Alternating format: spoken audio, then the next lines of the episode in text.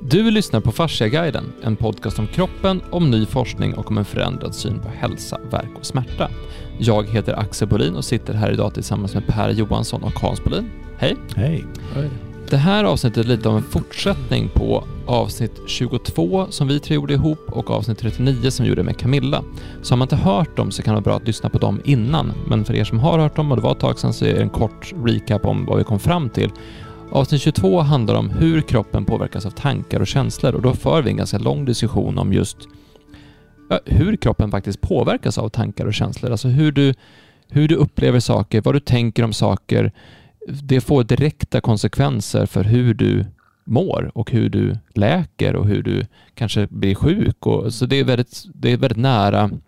Vi, är någonstans, vi tänker ofta att medvetandet inte sitter i kroppen, men men det gör det och, det och minnen kan sitta i kroppen och saker kan fastna i det. Så att om du inte är med på den banan så kan jag rekommendera att först lyssna på avsnitt 22. Eh, avsnitt 39 handlar om vagusnerven och praktisk stresshantering och det handlar väldigt mycket om hur stress påverkar kroppen, hur skadligt det är med stress. Och Vi tar även upp såklart hur stress kan vara användbart, att man känner att pulsen går upp när man gör någonting eller att man fylls med adrenalin och, och kortisol som också kan vara, kan vara eh, eh, att det stänger av vissa smärtfunktioner för en stund så att man, man är mer fokuserad och mer alert och man får ett annat blodtryck och så vidare när man ska göra någonting viktigt, till exempel föreläsa eller spela in en podd för den delen. Men hur långvarig stress faktiskt bryter ner kroppen när du aldrig kommer ner i det parasympatiska nervsystemet och aldrig får chansen att återuppbygga dig själv. Och i båda de här avsnitten är vi inne lite grann på, på oro. Därför någonting som gör att man kanske inte kan sova, det är att man är orolig. Och det vi tänkte prata om idag är just oro, alltså vad, vad händer när man är orolig? Vad är oro egentligen? Eh, och rädsla, vad händer när man är rädd? För att när man är rädd så händer också ganska intressanta saker i kroppen. Att man, då är man rakt in i sympatiska nervsystemet och, och du är i fight or flight och det händer saker på ett annat sätt. Men också det som är motsatsen till det här. När man är Alltså dels när man är harmonisk men också när man är, känner mod eller syfte eller, eller mening eller att man, man någonstans har den här andra känslan i kroppen, att man känner sig nästan lite orubblig, att det spelar ingen roll vad som, vad som kastas på mig, jag tar emot det här i alla fall. Eh, och jag tänkte prata lite grann om det, om de känslorna, för det här är ju någonting som Per har varit som har jäckat människor i alla tider egentligen. Alltså rädsla, oro, mod. Det har man ju pratat om jämt. Ja, det, så är det definitivt. en sak man ofta får höra då genom alla tider. Jag har läst ganska mycket om, eh, om, om krig och krigare i olika delar av historien. Eh, av någon anledning har det intresserat mig av och till. Och eh, en sak som framhålls eh, alltid är, apropå mod, att vem är modig egentligen? Är det den som är är det den som inte förstår hur farligt det är? Mm. Alltså dumdristig i grund och botten och inte riktigt fattar vad som händer och bara kör. Eller är det den som faktiskt uppfattar situationen och förstår hur farligt det är och är rädd men ändå gör det som måste göras? Då, då är de flesta genom historien överens om att det är den sista senare fallet som förtjänar beteckningen mod. Det är att man övervinner sin rädsla. Mm.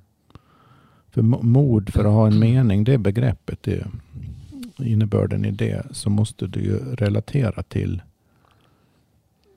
till någonting. Alltså det måste ju vara situationer eller ja, situationer som där modet kommer till uttryck. Och vad är det då som avgör huruvida någon agerar enligt andra modigt eller inte? Som regel tycker personerna själva inte att ser sig inte själva som modiga utan de säger bara att jag gjorde vad som måste göras. Eller någonting i den stilen. Andra, det är andra som sätter etiketten modig på det. Och så försöker man ta reda på vad, vad hände i den här personen egentligen. Ja, det är det som regel det att jo, men de var skiträdda, men de gjorde det ändå. Och, och eh, i vissa, om, om vi pratar krig och soldater och, och, och, och så vidare, krigare, så soldater som går mer åt krigarhållet så att säga. Eh, de tränas ju också i att övervinna rädslor. På det sättet, inte så att de inte blir rädda utan att de kan konstatera att ja, nu är jag rädd. Men det är inte det som jag låter styra mitt handlande just nu. Så att man alltså lär sig att känna igen, känna igen sina egna reaktioner på saker och ting. Mm. Men ändå för, förmår genom ren träning egentligen att, att, att, att agera adekvat och förnuftigt trots att man är beskjuten eller någonting. Mm. Det där tror jag, eh, nu är det extrema situationer då när man är beskjuten eller andra eh, uppenbara farosituationer. Eh, men jag tror det är väldigt allmängiltigt det där. Att vi, oavsett vad det är för sorts rädsla, vad det är för sorts situation, så kan vi egentligen bara vara modiga genom att bli varse våra rädslor och lära oss hantera vårt eget förhållande till våra rädslor och inte låta dem styra. Det är ganska intressant egentligen. Alltså utifrån ifrån kroppens perspektiv så kroppen är ju aldrig rädd egentligen. Den är inte det. Därför att den vet att den dör. Alltså det dör celler varje dag, varje sekund. Och den mördar ju till och med celler. Alltså det är celler som mördar celler. Så det är ju ett konstant, en konstant konflikt som är helt, som är helt konfliktlös. Eh, och det, det som är fascinerande med det här det är att, att när man blir rädd så blir man paralyserad. Så kroppen blir paralyserad. Alltså fysiskt sett blir paralyserad. Den kan inte göra någonting. Du kan inte tänka. Du, kan inte, du är lättstyrd. Du är, du är dum helt enkelt. Det luriga egentligen det är att när man blir rädd, man kan ju träna sig i, i alltså, jag tror Axel kommer ihåg det säkert. Vi hade, min fru hade skulle träffa en, en det var, hon skulle ha en konflikt på jobbet med en karl som inte var snäll. Och, ehm, och hon ville inte ha konflikter. Men hon skulle ha en konflikt. Så hon skulle säga ifrån. Och då så tränar jag henne att säga ifrån. Alltså vilken, vilken ståndpunkt tar han? Gör han det så säger du det. Gör han det så säger du det. Och gör han det så säger du det. Och du säger ifrån på. Så då skulle jag vara henne och, och, och spela där. Och kom Axel och bråkade. när vi förbereder för en konflikt. Och, och han bara, vadå? Vad gör ni för någonting? För det var, vi hade ju, det var ett, det var ett, alltså, det var ett rollspel. Och sen så, och det häftiga i det där, det var att allt hon hade tränat på, hon hade tränat på alla möjliga olika saker som fanns som skulle hända i den här konflikten då. Det, det hon fick, det var något helt annat. Det var, han var så förvånad.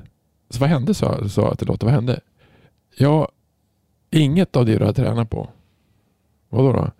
Det enda han sa, hur har jag kunnat fått dig som är så snäll att bli så arg? och det var ju total kapitulation. Så hon hade tränat på allting som fanns men det som dök upp var något helt annat. Så, och det som egentligen tror att varför, varför jag menar med det där det är att det som egentligen oro och rädsla Alltså oro är rädsla utan mål. Det, det, är totalt, det är totalt vansinnigt för den går inte ens att göra någonting med. Det är bara, vänta det är någonting som händer det, och man vet inte ens vad det är för någonting. Så det är, det är, det är hemskt egentligen. Men, men det som du sa, jag tror du sa i ett program, att oftast är det värre än vad man tror. Alltså man kan inbilla sig mer saker än vad, alltså det här var ett Ja, exempel på. jag tänkte det är två kategorier rä- rädsla. En, en, en sorts rädsla och är ju den som har med, med fara att göra. Alltså det Mm. faktiskt är någonting som är farligt. Mm. som, som pågår eller hot, hotar. Och det, det var ju det, de första exemplen jag gav här handlar ju egentligen i grund och botten om det.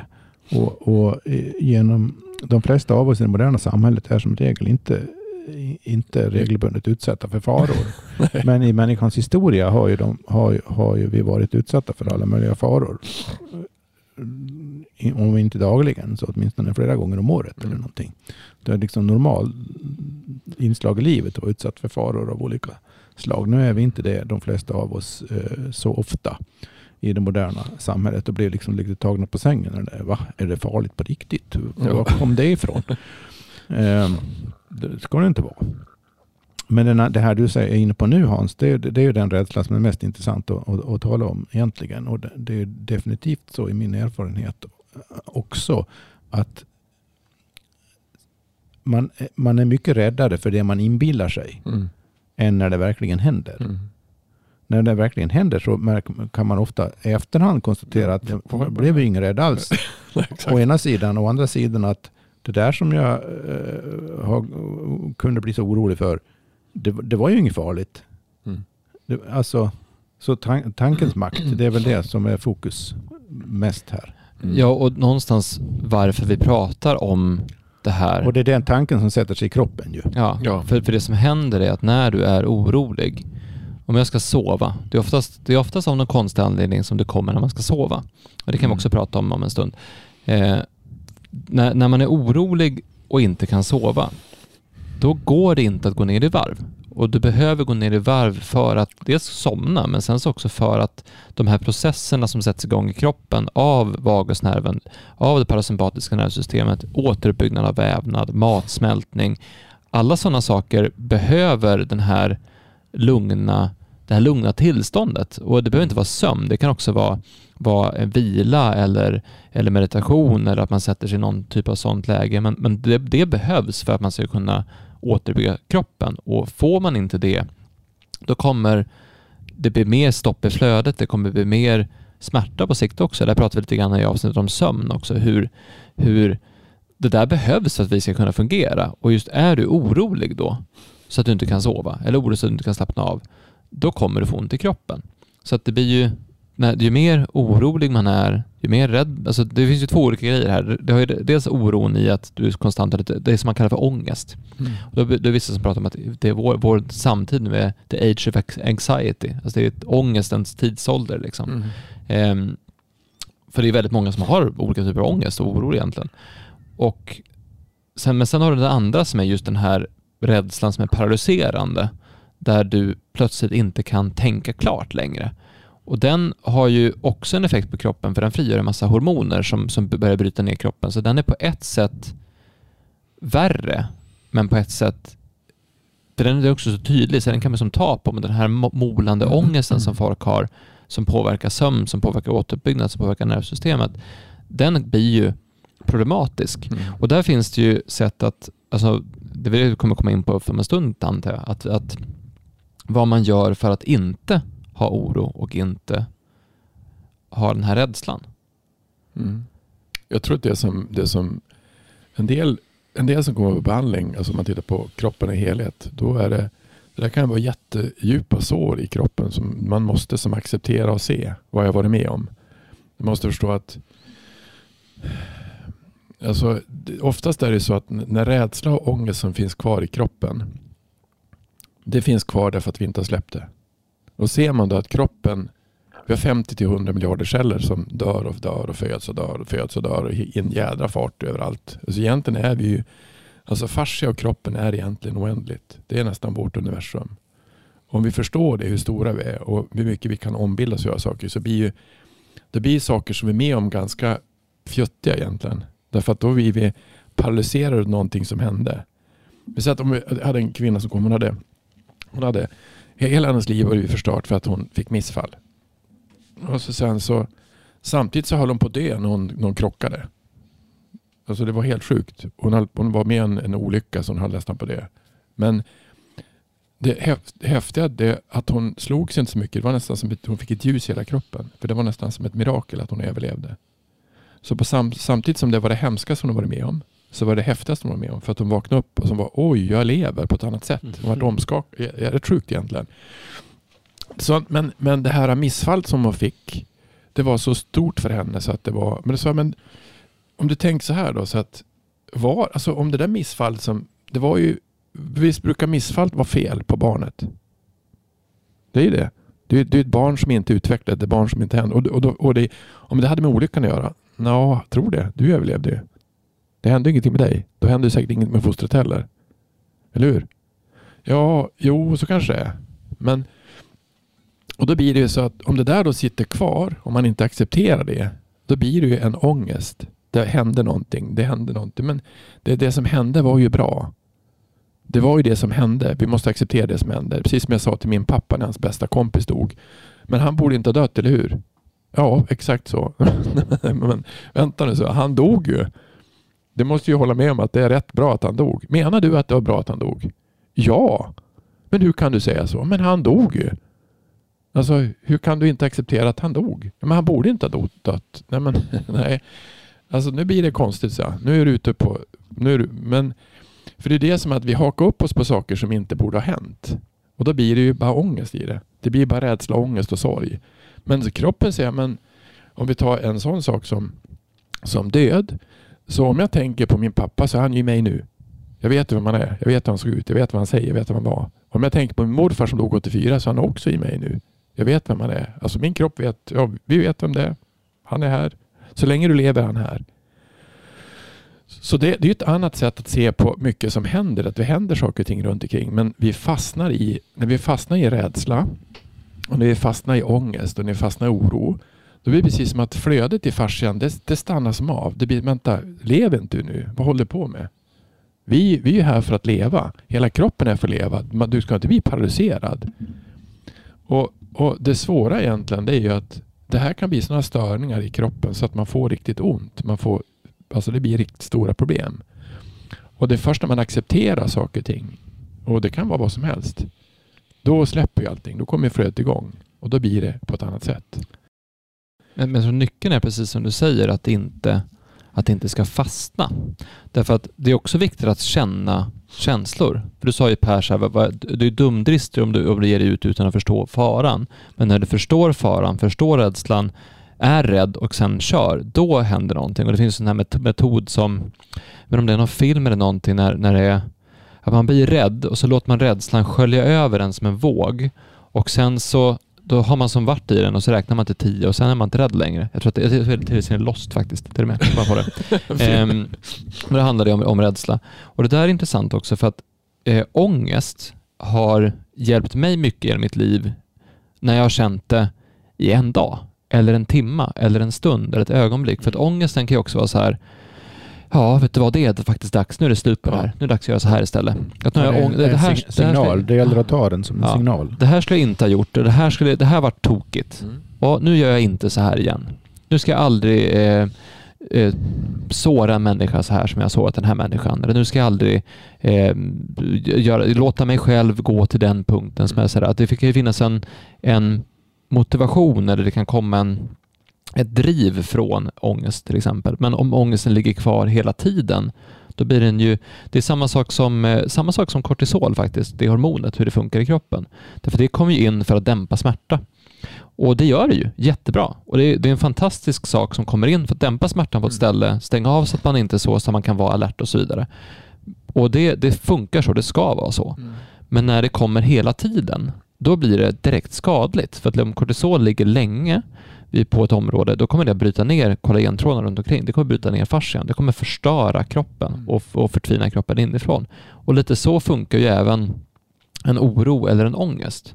Det kan vara bra att vara att man är, eh, ja men jag har en, en, dotter nu, det är bra att jag kanske liksom är eh, medveten om att det kan hända saker med henne, så att jag är försiktig. Mm. Eller att jag liksom, ja men jag, jag ska inte lämna henne på, på sängen ensam, för hon kan krypa ner och ramla och slå sig. Men jag kan inte gå runt och vara orolig för att hon ska slå sig hela tiden.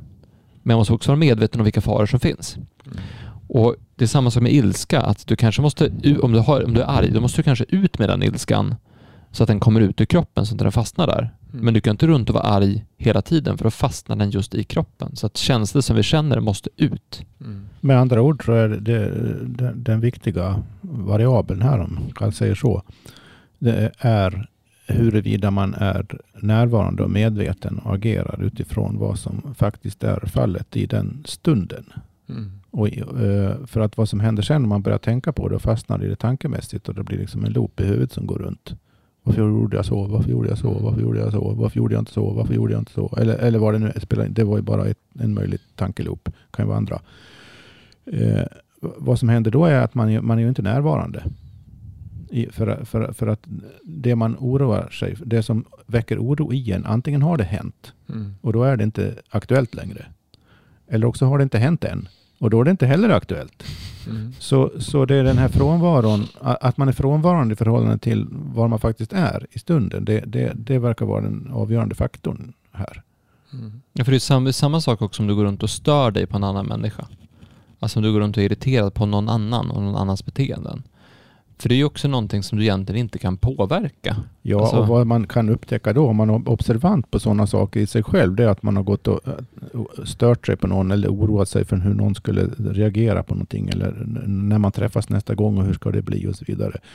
Det är ju inte ovanligt att man upptäcker att ingenting av det där man har tänkt och hittat på för sig själv händer Mm. Alls.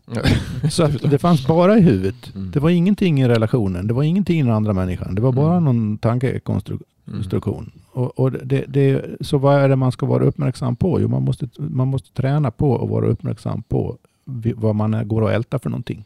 Ja, för för det, det mesta man ältar blir ju värre av att det bara är i en. Och det har ju vi märkt Hans, alltså vi har ju haft situationer genom åren där vi har, om inte vi har pratat ut på ett tag, då kan vi gå och bygga upp lite så irritation på varandra. Mm. För vi är ju vi är extremt lika men också extremt olika. Olika. och vi vill samma sak men samtidigt vill vi att det ska ske på olika sätt. Och så sen I så olika tempo. i olika tempo. Så har, vi, och så har vi väldigt starka viljor och någonstans blir det så här, jag kan bli så frustrerad på att du gör så där och du kan bli så frustrerad på att jag gör så där. Så att när det liksom går runt och, när vi går runt och, när det går runt och maler för länge, Mm. då kan det komma ett rent utbrott liksom. Men om vi pratar igenom saker mer ofta, tittar varandra i ögonen och ger varandra en kram, då, då kommer det inte på samma sätt det här som byggs upp. Och det är just det här med frustrationen som byggs upp när den får gå runt i kroppen och det där sätter sig i kroppen. Mm. Det där sätter sig i hur man mår. Det påverkar ens förmåga att läka, ens förmåga att, att, eh, att eh, ja, men, utvecklas och må, må bättre. Mm. Eh, Så det är, lite, det är lite fascinerande. För du har ju, sen har du ju den här aspekten av samma sak är ju eh, det som vi ofta pratar om Hans, att när då de kommer och så kommer någon som är sjuk Mm. och så kommer någon som vill bli frisk. Hur viktigt det är att för det första vilja bli frisk, men för det andra att ha modet eller beslutsamheten att gå all in i att nu, nu ska jag bli frisk Mm. och därmed basta. Så att, att den, vad som händer i en människa när man har modet att ta det steget eller modet att vara beslutsam. Alltså den här lite grann som du pratade om med krigan också, att, att, eh, att nu vet jag att jag kanske kommer dö av det här. Men jag gör det ändå. Därför det är viktigare att jag gör det här än att... Eh, det, det, eller det här med att man... Nej men nu, nu säljer jag allt jag har och satsar på det här. Därför det är viktigare att satsa på det här. Eller som... Eh, för jag tänkte direkt på, på Frodo och Sam när de, när de inser att de inte kommer åka hem. Är som Sam han säger så vet, men nu, nu måste vi rationera med vadå? Ja men jag försöker spara till hemresan. Och Frodo säger att det kommer inte bli någon hemresa. Och när de inser det, att det inte kommer bli någon hemresa och hur mycket skit de har kvar. De har inte ens kommit in i Mordor då. De ska liksom in i Mordor och ta sig igenom hela den biten. Alltså det, det, det är nästan ett omöjligt uppdrag. Men de gör det ändå. Mm. Därför att det är det man ska göra. Mm. Och det där är ju, det händer också någonting i, i ens kropp när man, alltså i läkningsprocessen. För du har ju behandlat folk som har bestämt sig och så har du behandlat folk som inte, som fortfarande velar och fortfarande vill hålla kvar i, i det gamla. Det svåraste egentligen det är ju, det är ju hopplöshet. Alltså man har varit sjuk länge och dålig länge och så sen så kan man inte bryta sin, sin situation. Alltså man sitter fast i någonting. Och jag hade någon som var nu som hade, det var så rörigt. Alltså hon gjorde så mycket saker som inte var hennes grej. Och hon ville egentligen göra en sak men hon höll på med något helt annat. Och, och hela hennes liv var som en kamp och det fanns ingen väg ut. Och då sa jag att um, du måste hitta en väg ut. Du måste i alla fall föreställa en väg, alltså hitta en annan, hitta en annan, en annan väg ut. Och då sa jag att om jag ska ge dig 50 000 spänn i månaden och du får göra vad du vill. Då började hon skratta. Kan jag få det? ja, det kan du få. Men ja, du får ju bestämma det själv. Du måste bestämma att du tror att du kan få 50 000 spänn i månaden och du får göra vad du vill. Men tror du på det? ja, det tror jag inte. Jag tror, att, jag tror att livet är sånt. Att man kan faktiskt få göra vad man vill på jorden och få utkomst av det. Om man tror på det. Och det är ju det andra hoppet och modet att göra saker och ting. Det är också det som är eh, om vi, om vi inte har det så kommer kroppen bli ledsen. Alltså varför, varför tror du inte att du kan göra det? Det är klart man kan göra det. Eh, Det slår mig nu att kan, tänk om det är så här att det finns en väldigt nära släktskap mellan hur man mellan att hantera rädsla och att fatta beslut. Apropå det du sa nyss Axel. Och det du är inne på också. mm. Hans. Eh, nämligen om man när man står inför en det spelar ingen roll om eh, att det som man själv upplever som en livsavgörande valsituation, antingen eller, antingen välja detta eller det andra. Och så tänker, känner man efter. Om jag väljer det här, hur kommer jag känna mig då? Ja, jag kommer känna mig så här.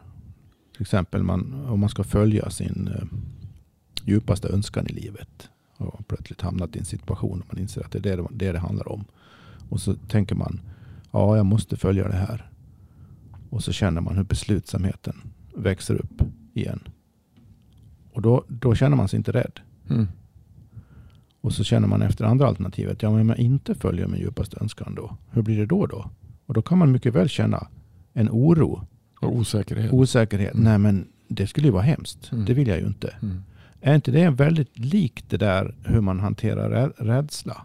Mm. Ska jag följa? Jag är rädd för det här. Vad händer om jag går helt upp i den här rädslan och tar den på fullaste allvar och det är det värsta som jag någonsin kan tänka mig. det känns ju verkligen inte bra. Kroppen reagerar ju fruktansvärt mm. starkt. Men om jag, om jag tänker, om jag, om jag bara säger att ja, men det här är inte så farligt. Varför ska jag gå och vara rädd för det här? Det finns ju så mycket annat jag skulle kunna tänka på. Hur känns det? Alltså mm. är, det, är det inte en otroligt stor likhet mellan de två situationerna egentligen? Mm. Jag säger inte att de är identiska. Men, men det finns ett, en aspekt av rädsla i båda fallen, fast på lite mm. olika sätt. Ja, alltså- och det, det är ju en tydlig...